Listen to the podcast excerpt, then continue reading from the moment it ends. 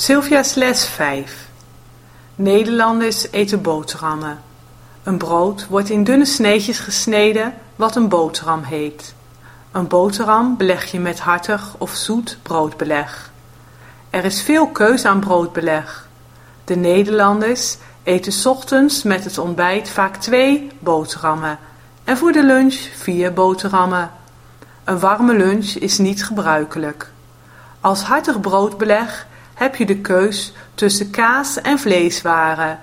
Je hebt een stuk kaas en je schaaft er met de kaasschaaf plakjes af.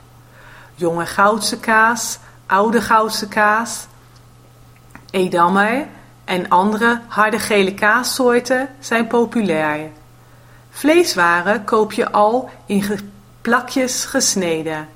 Je koopt een ons boterhammenworst, rookvlees, ham en vele andere soorten.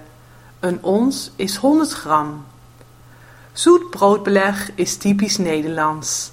Er is niet alleen de keuze uit jam, honing, pindakaas, chocoladepasta, maar er is ook appelstroop, hagelslag, vruchtenhagel, kokosbrood, muisjes.